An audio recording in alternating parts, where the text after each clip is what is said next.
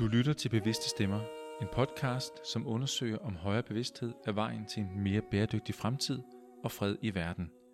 Din vært er konsulent og spirituel mentor, Inger Hjort, som sammen med en række gæster undersøger begrebet den menneskelige bevidsthed og hvilken indflydelse vågen bevidsthed har for vores måde at være i verden på.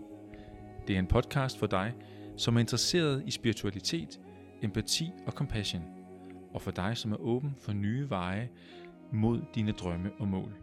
Må den invitere lytteren til at åbne sindet og hjertet. Velkommen til.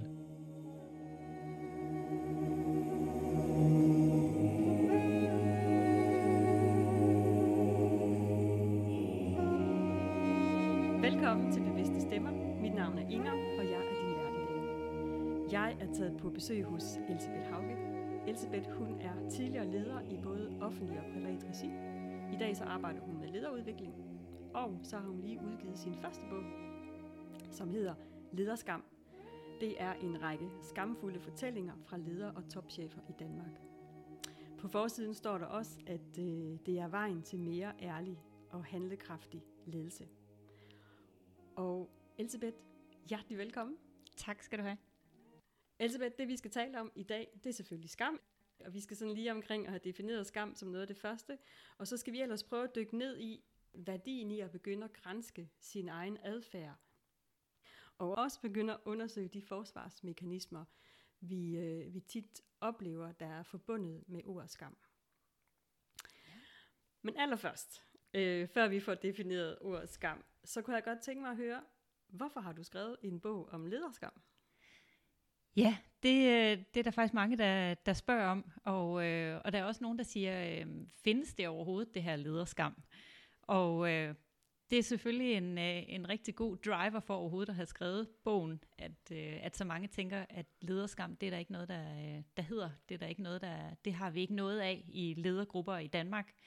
Og, øh, og det handler jo om, jeg har jo selv været leder i flere forskellige ledergrupper, og helt sikkert nogle typiske, almindelige ledergrupper. Der er ikke noget dysfunktionelt over det. Men, øh, men jeg kunne godt mærke, at jeg øh, blev opmærksom på, at, øh, at der i situ- forskellige situationer, i forskellige sammenhænge, når man er i de her ledergrupper, så er der ret stramme rammer for, hvordan er man som leder. Også hvordan man forventes at være som leder over for medarbejdere for eksempel, og andre ledergrupper, eller udadtil mod kunder.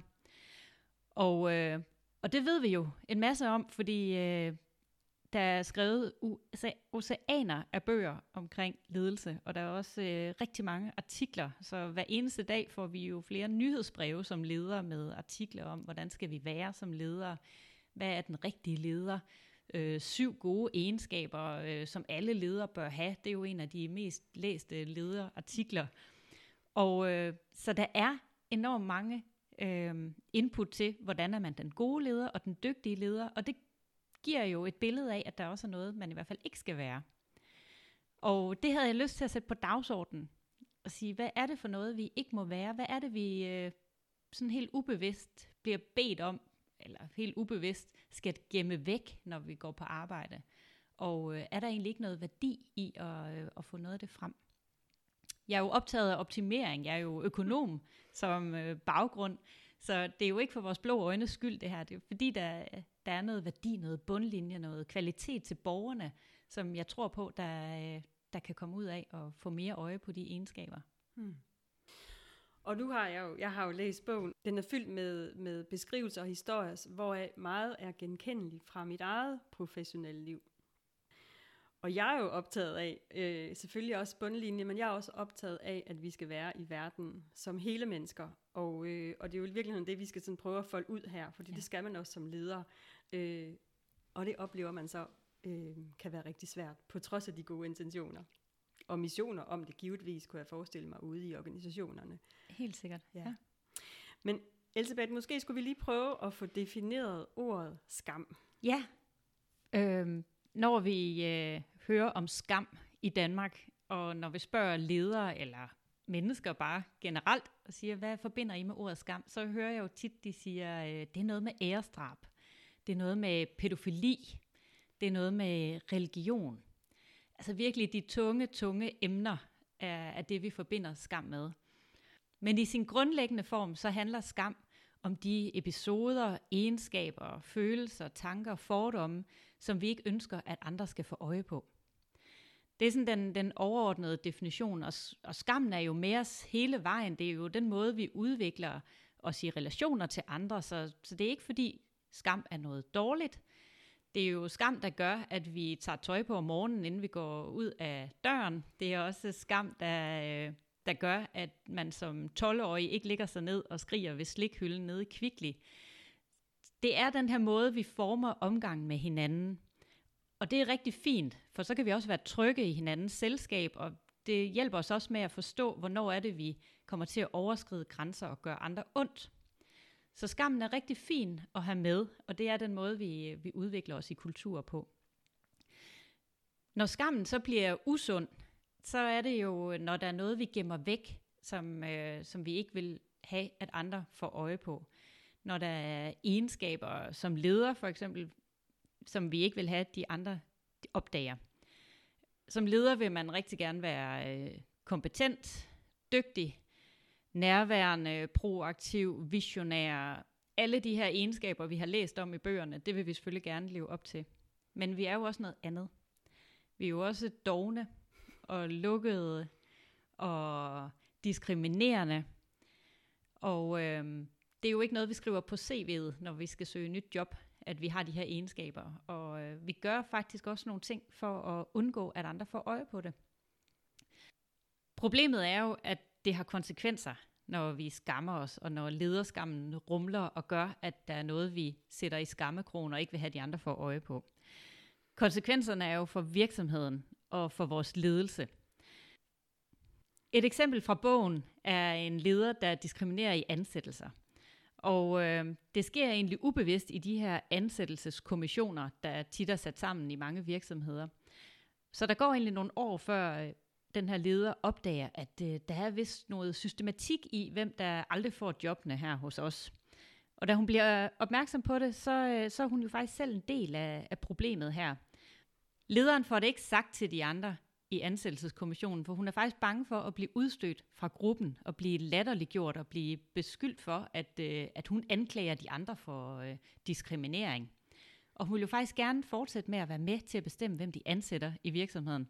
Så hun gør ikke noget ved det, men øh, det bliver jo større og større for hende, og begynder, hun begynder at lægge vågen om natten og tænke over, at øh, hun diskriminerer, og at det her det faktisk er langt fra de værdier, hun, øh, hun troede, hun levede op til.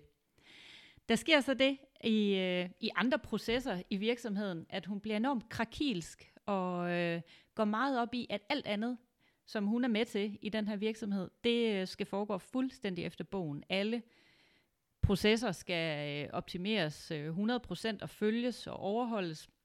Hun bliver enormt utroværdig over for sine medarbejdere, fordi hun bliver meget, meget vred, så snart der er nogen, der overtræder bare små uoverensstemmelser med de her processer og politikker i virksomheden. Så på den måde distancerer hun sig fra sine medarbejdere og mister faktisk det her nærvær, som hun egentlig også troede på, at hun stod for. Og de andre ledere trækker sig også fra samværet og relationerne med hende.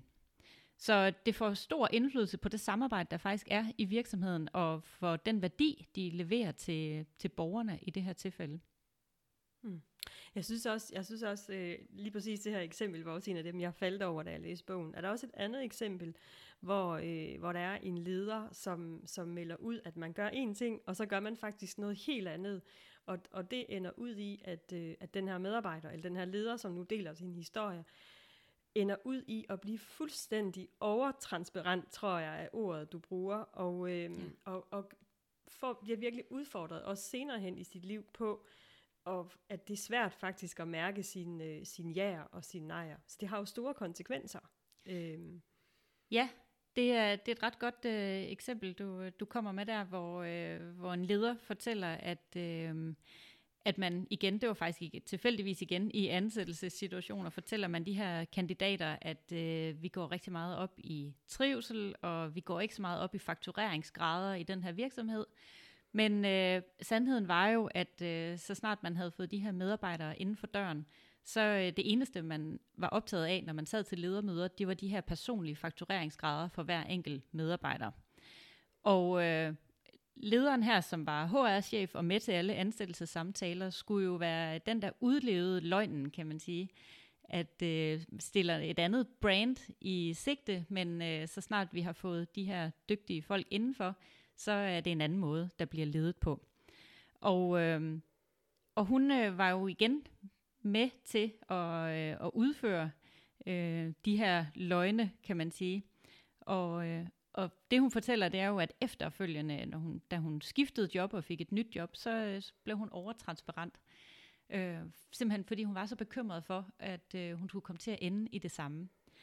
Og øh, transparent er jo rigtig godt, og det er jo også en måde at skabe følgeskab på og, og, og få hjælp til, til de udfordringer, der er i en virksomhed det er jo bare vigtigt at være opmærksom på, hvornår man så bliver overtransparent, og, og det så faktisk også kan gå over i at blive, blive for meget.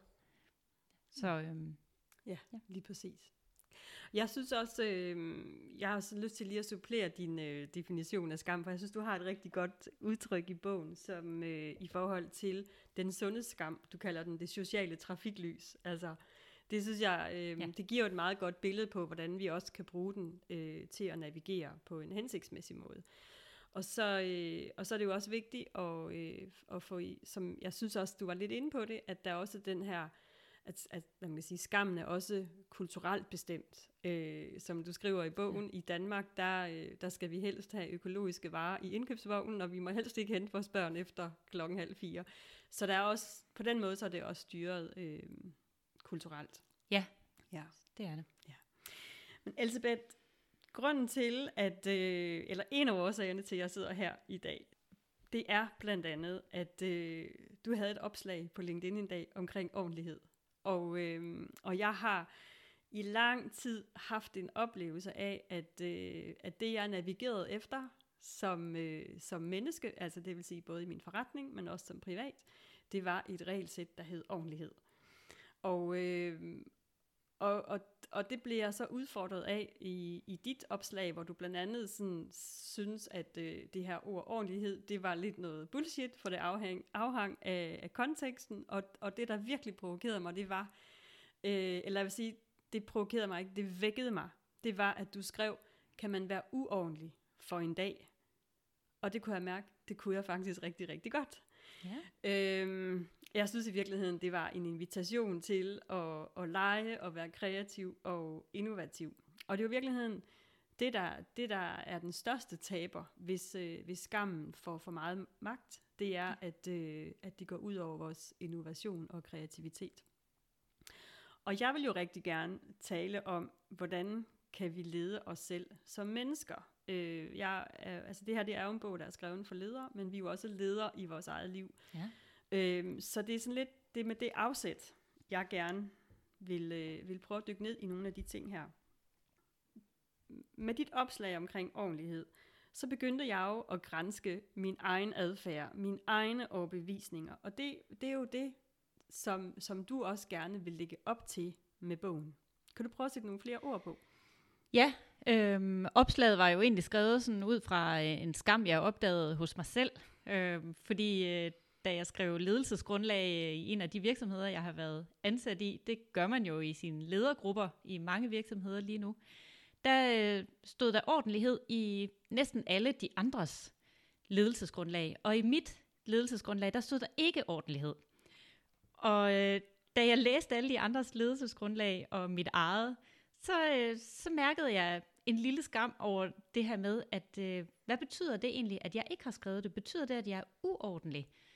Og hvad tænker de andre mund? Og jeg begyndte sådan at få fantasier om, hvad, hvad betyder det, at, at det slet ikke er et ord, jeg egentlig øh, vedkender mig, eller som, som betyder særlig meget for mig. Så, øh, så det var sådan baggrund for, at jeg overhovedet skrev det her opslag også. Det var for at vise den her øh, skam, jeg egentlig selv fik. Øhm, ordentlighed er jo det her nye sorte, som dog har været i nogle år, og vi skal alle sammen gerne have det på CV'et, når vi søger jobs rundt omkring. Og det er jo et ord, som øh, vi alle kan blive enige om, at vi navigerer efter. Og det er jo også en måde at, at samle mennesker på, og føle, at øh, jeg arbejder ud for ordentlighed, du arbejder ud for ordentlighed. Vi har noget sammen, og vi kan jo alle sammen godt lide at være en del af en gruppe. Problemet er bare, at ordentlighed for, øh, for dig, Inger, er helt sikkert en anden slags ordentlighed, end den er for mig. Øhm, det kan være, at der er nogle ledere eller medarbejdere, der tænker ordentlighed som en slags ærlighed, proaktiv, respektfuldhed. Der kan være en anden medarbejder eller en anden leder, der tænker, at det har noget med at være nærværende og rummelig. Og så kan der være økonomichefen, der tænker, at ordentlighed, det er at være bundlinjeorienteret og handlekraftig og værdiskabende, og har nogle helt andre ord inde i ordentligheden, alt efter øh, hvilke værdier man, man i princippet har. Og på den måde mener jeg ikke, at ordentlighed kan stå alene. Det er sådan et af de ord, man har lyst til at dobbeltklikke på, og sige, hvad ligger der nedenunder? Hvad ja. betyder det for dig? Og man kan jo dobbeltklikke på mange af de her øh, værdiord, og sige ærligt, hvad betyder det egentlig? For vi er jo faktisk ikke ærlige, selvom vi siger det. Og det vender vi tilbage til lige om lidt, eller lidt senere. Og, og jeg synes jo lige præcis det her med, altså som du også peger på, at ordentlighed kan jo være en ting for dig, og en anden ting for mig. Og det jeg lige pludselig opdagede, dels med afsæt i, øh, i dit opslag, og så mine egne refleksioner, det var, at jeg lige pludselig fik øje på, at jeg havde adopteret et regelsæt af ordentlighed. Jeg fik øje på, at jeg navigerede i verden ud fra et regelsæt af ordentlighed, der slet ikke var mit. Øh, jeg fik øje på, at, øh, at jeg faktisk gik og brokkede mig rigtig, rigtig meget. Og jeg bryder mig ikke om at gå og brokke mig. øh, så, så man kan sige, at dit opslag var i hvert fald for mig en invitation til at grænske. Dels, hvad er det for en, hvad er det for en adfærd, jeg har? Hvad er det for, hvad er det for et regelsæt, jeg har? Og hvad betyder det? Øh, I det her tilfælde var det så ordentlighed, men som du selv siger, vi kan jo begynde at dykke ned i rigtig, rigtig mange ting. For eksempel, hvad betyder det at være ærlig? Så, så en, en del af, af, af noget af det arbejde, som jeg er optaget af, det er i, det er i virkeligheden at grænske adfærd og tanker. Øhm. Og det betyder jo så nogle gange, at, øh, at jeg skal stå ved sider ved mig selv, som jeg slet, slet ikke bryder mig om. Ja. Jeg bryder mig ikke om at være hende, der går og brokker sig over det ene og det andet, det tredje og det fjerde. Og man kan sige, det er jo jeg ved ikke, om man kan sige, at det er bagsiden af skammen, eller det er modpolen til skammen, men det er jo at sige, det er jeg også, uanset ja. hvor grimt det måtte være. Og det aller værste, det er jo de der situationer, hvor man opdagede, at man var blevet sin mor. Ja. og pludselig kunne høre de der sætninger, som ens mor også sagde, eller øh, havde de samme fordomme, som, øh, som ens forældre også. Ja. Det, det kan næsten være, øh, være svært at, at indrømme over for sig selv. ja. Du har i bogen nogle meget fine eksempler på det her med, og øh, øh, altså de her egenskaber, der ligger til det at være mennesker. Nu læser jeg lige op. Øh, vi, vi kan sådan starte med de gode egenskaber, som de jo oftest... dem vi øh, gerne vil være. Dem vil vi gerne være, ja.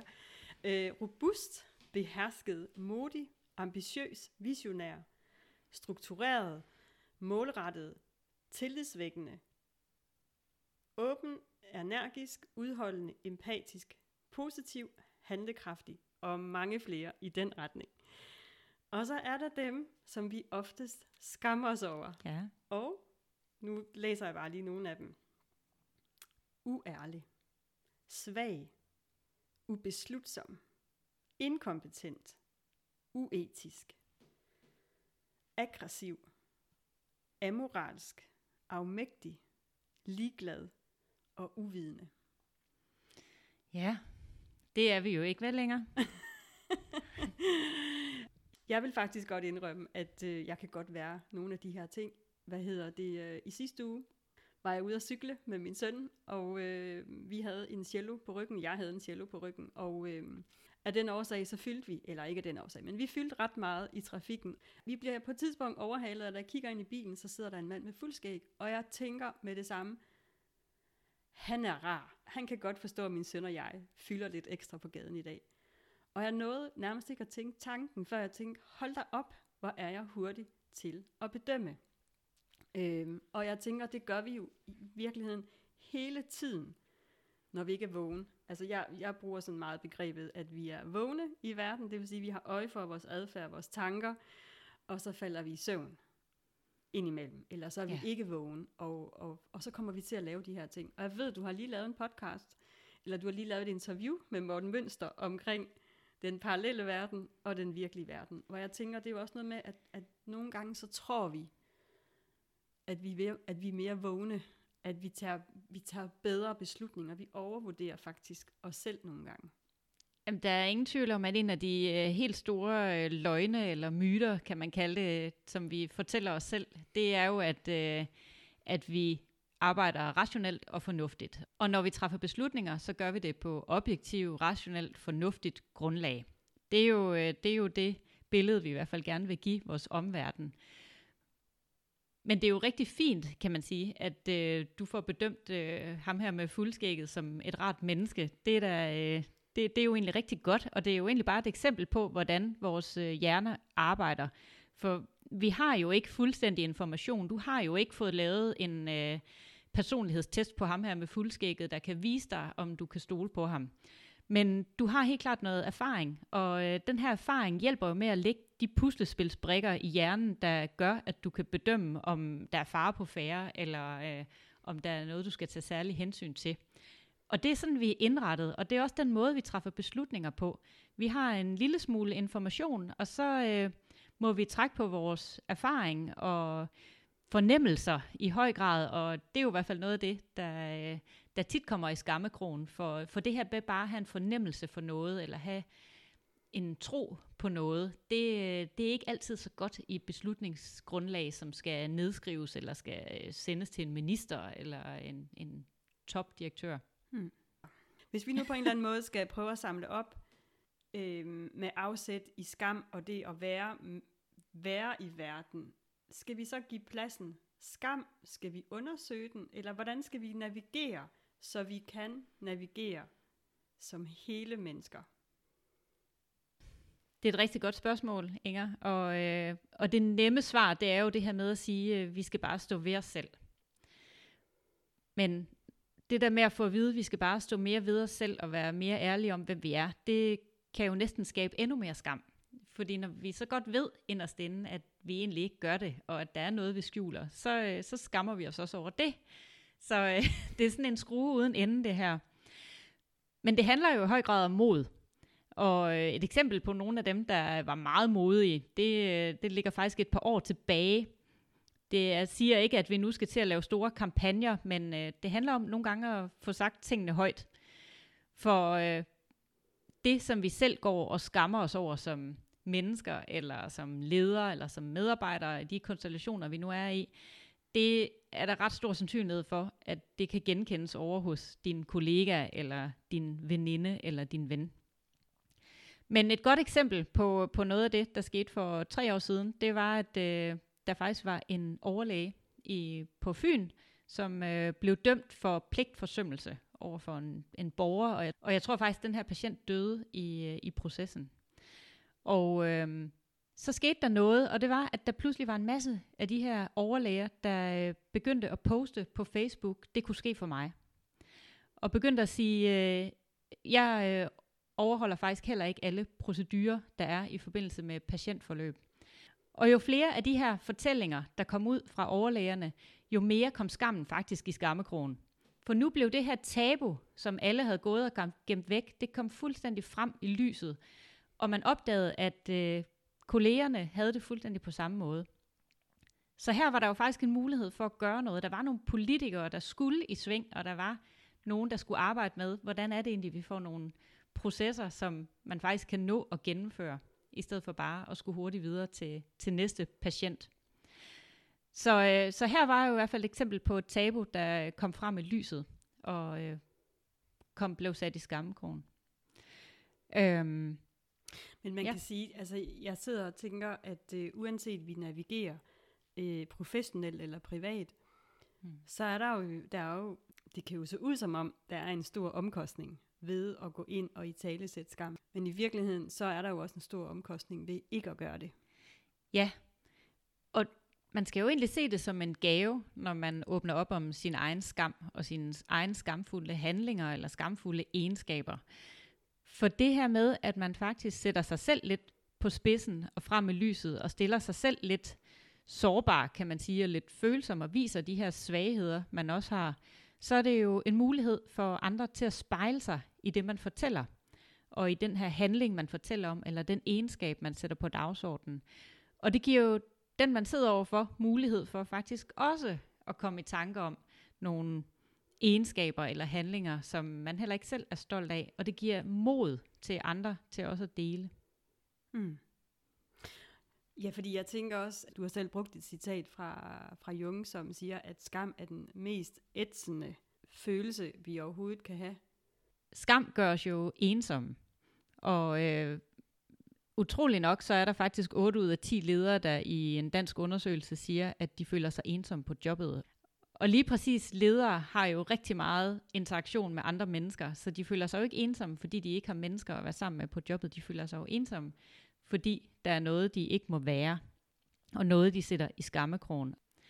Og på samme måde er det jo, uanset om man er leder eller ej, når der er noget, vi sætter i skammekrogen, nogle egenskaber og handlinger, vi ikke vil stå frem med, så bliver vi jo ensomme. Og ensomhed er jo en af de allerstørste udfordringer i vores samfund i fremtiden. Hmm. Og, og nu bliver jeg faktisk nødt til at spørge, fordi der er jo mange, der snakker om, at der er rigtig mange ensomme i dag. Tror du, skammen er, øh, er, er altså, jeg ved ikke, om man kan sige, at den vokser, men, men tror du, skammen fylder mere i dag, end, øh, end den har gjort tidligere? Uh, nu er det jo gætterier, som jeg tænker, andre kan, kan svare bedre på, mm. og mere savligt på, end jeg kan, men jeg kan da gætte på, at, øh, at der er der enormt meget i appearance i dag. Jeg kan da kigge på mine egne teenagebørn, som øh, skal tage billeder til deres øh, Snap og deres Instagram, og det handler enormt meget om at, at vise det her perfekte liv og de gode ting, der sker. Og øh, jeg synes da i høj grad, det er et sted, vi kunne starte. Vi kunne da øh, på Facebook kunne vi da lave et opslag om, øh, om de trælse dage også, eller de dage, hvor vi lavede fejl, eller hvor vi er kede af det, så vi faktisk får delt noget mere realisme. Jeg kommer faktisk også i tanke om, jeg har øh, faktisk tidligere lavet en podcast om skam, og øh, i den bog var der nogle, øh, var der sådan, eller i den bog var der meget fint beskrevet, at i gamle dage, da vi boede i landsbyer, der vidste vi godt, hvem der var dygtig til at bage, bage kage, og hvem der var dygtig til at løbe hurtigt. Men vi vidste også, fordi det var små landsbysamfund, hvad de så ikke mestrede. Og det er ligesom forsvundet i dag, hvor, vi, hvor, hvor landsbyen er blevet til øh, en global Instagram-konto eller Facebook-konto. Ja. Så, ja. så i dag ser vi ikke, i dag ser vi kun det, vi er gode til, øh, men vi ved jo alle sammen godt, at der er jo selvfølgelig også ting, vi er mindre gode til. Ja, så man kan sige, jo mere vi udstiller de flotte kager og det perfekte familieliv, eller øh, den nye bluse, man har købt, jo mere gøder vi jo faktisk den usunde skam, som øh, vi ikke viser til nogen. Hmm. Ja. Elisabeth, så er der jo nogle mennesker, som ikke skammer sig. Hvad tænker du, hvis du møder et menneske, som siger, jeg skammer mig ikke?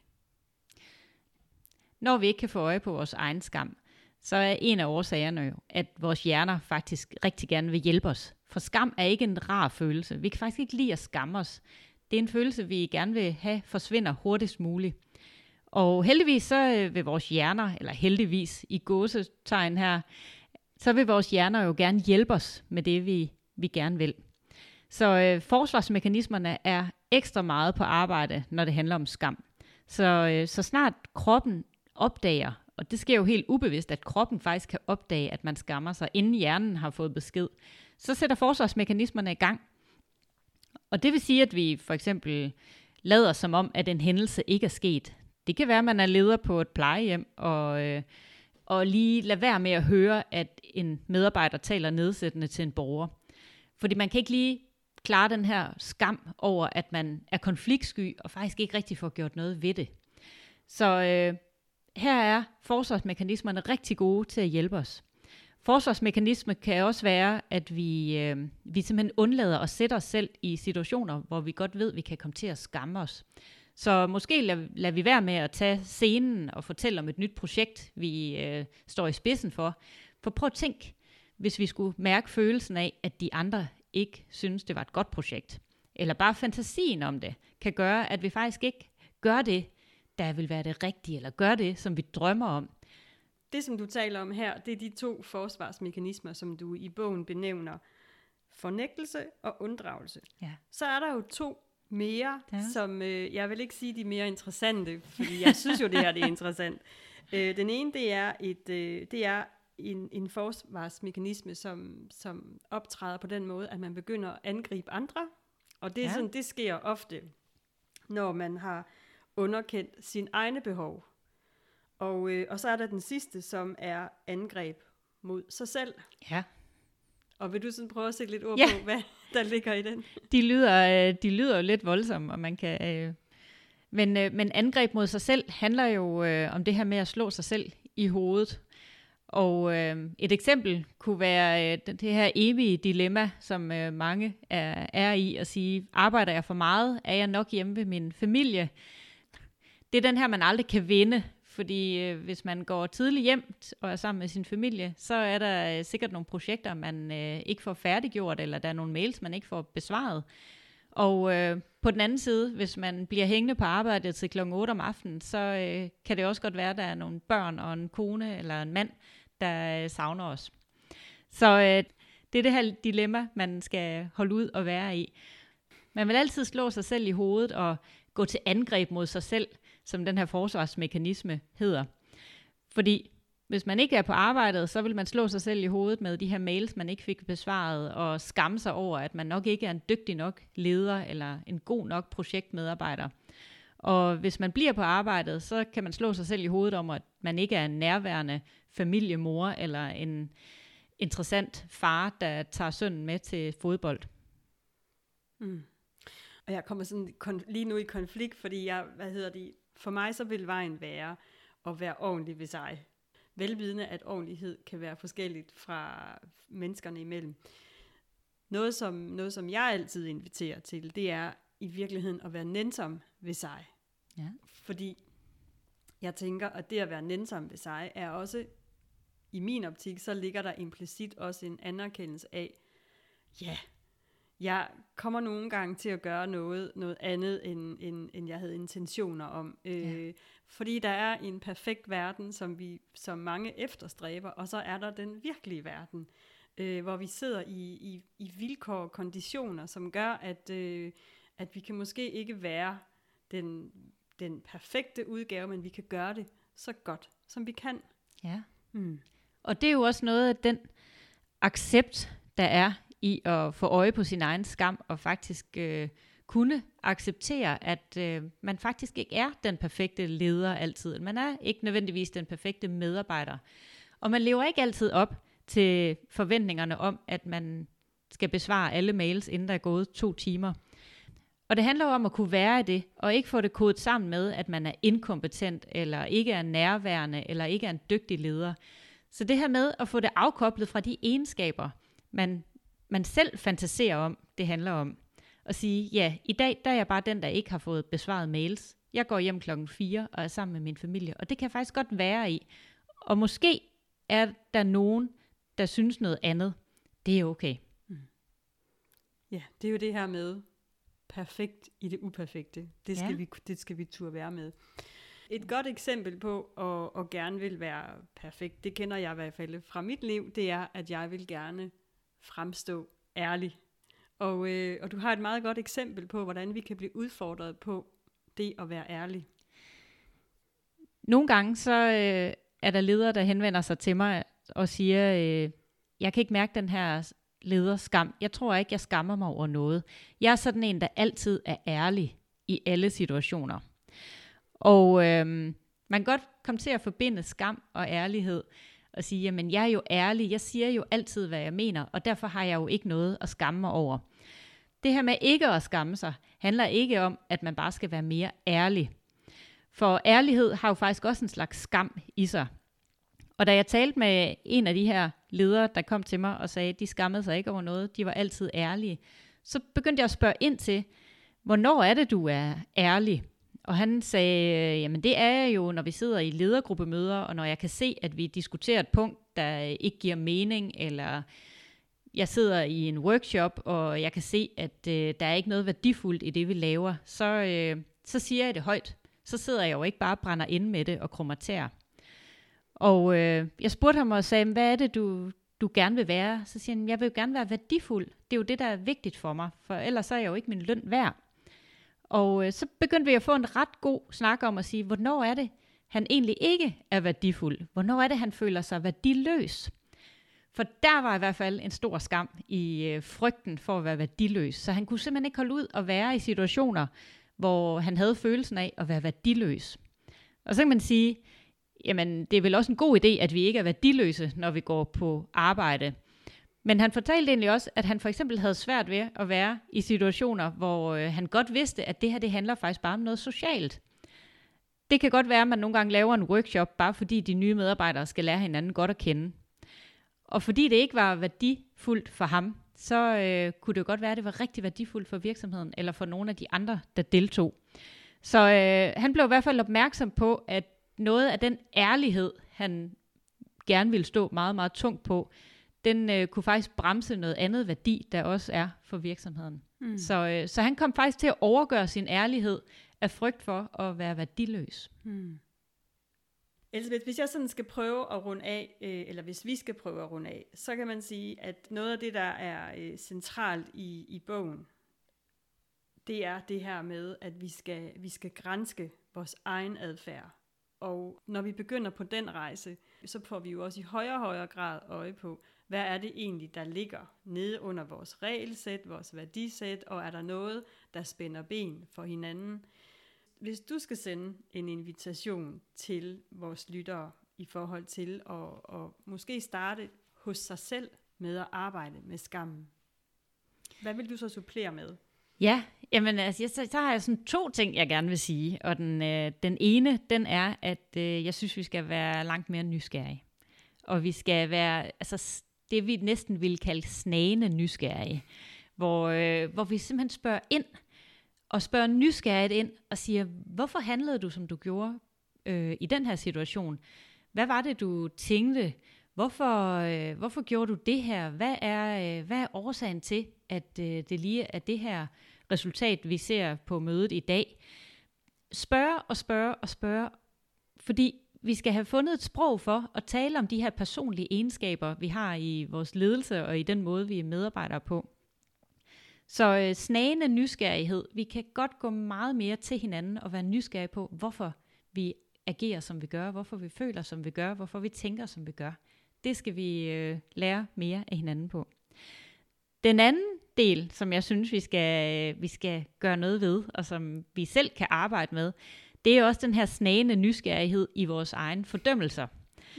Fordi øh, vi kan jo ikke helt se os fri for, at vi dømmer og fordømmer og forarves og overraskes øh, hele tiden, når vi bare ved at gå en tur i Kvickly for eksempel, så, øh, så ser vi jo nogle ting, som øh, vores hjerner omkoder til nogle fordømmelser, eller ting, vi forarves over. Og øh, når man nu alligevel går og handler og, øh, og forarves, så, øh, så vil jeg jo gerne invitere til, at øh, man begynder at undersøge, hvad er det for nogle egenskaber, som jeg egentlig forarves over. Hvad er det for noget, jeg ser hos andre ledere, hos andre medarbejdere, som, hvor jeg tænker, sådan der vil jeg i hvert fald aldrig være, eller sådan der er jeg i hvert fald overhovedet ikke. Det kan være, øh, man tænker, jeg er i hvert fald aldrig uansvarlig. Jeg er øh, aldrig lukket. Jeg er aldrig doven. Men prøv lige at undersøge det lidt nærmere, og når man så har fået øje på den her egenskab, så, øh, så grænsk lidt mere ned i at sige, er der virkelig ikke tidspunkter, hvor du selv er doven eller hensynsløs, eller i hvert fald, hvor andre vil se på dig og se det samme. For på det er også en måde at få den her empati frem, i stedet for at få forarvelsen frem. For det er faktisk lidt sjovere at gå og være øh, empatisk og have forståelse for andre, end øh, blot at fordømme. Mm. Og jeg synes, det er så fint, at du i virkeligheden slutter af med at sige, at have øje for, hvor det er, vi bedømmer, både os selv og andre. For vi gør det hele tiden og lynhurtigt, og det er måske der den vigtigste nysgerrighed er. Ja. ja.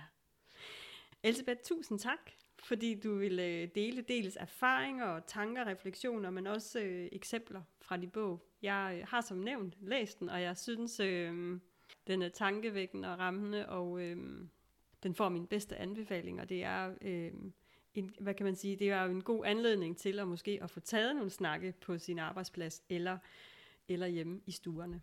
Og bogen, den kan man selvfølgelig købe på forskellige platforme online, og øh, går du ned i din boghandler, så er jeg helt sikker på, at de kan bestille den hjem til dig. Så Elisabeth, endnu en gang tak, fordi du vil være med, og tillykke med bogen. Tak. Og til jer, som lyttede med, tak fordi I lyttede med. Indtil vi høres ved igen, må I have det rigtig godt. Hej så længe.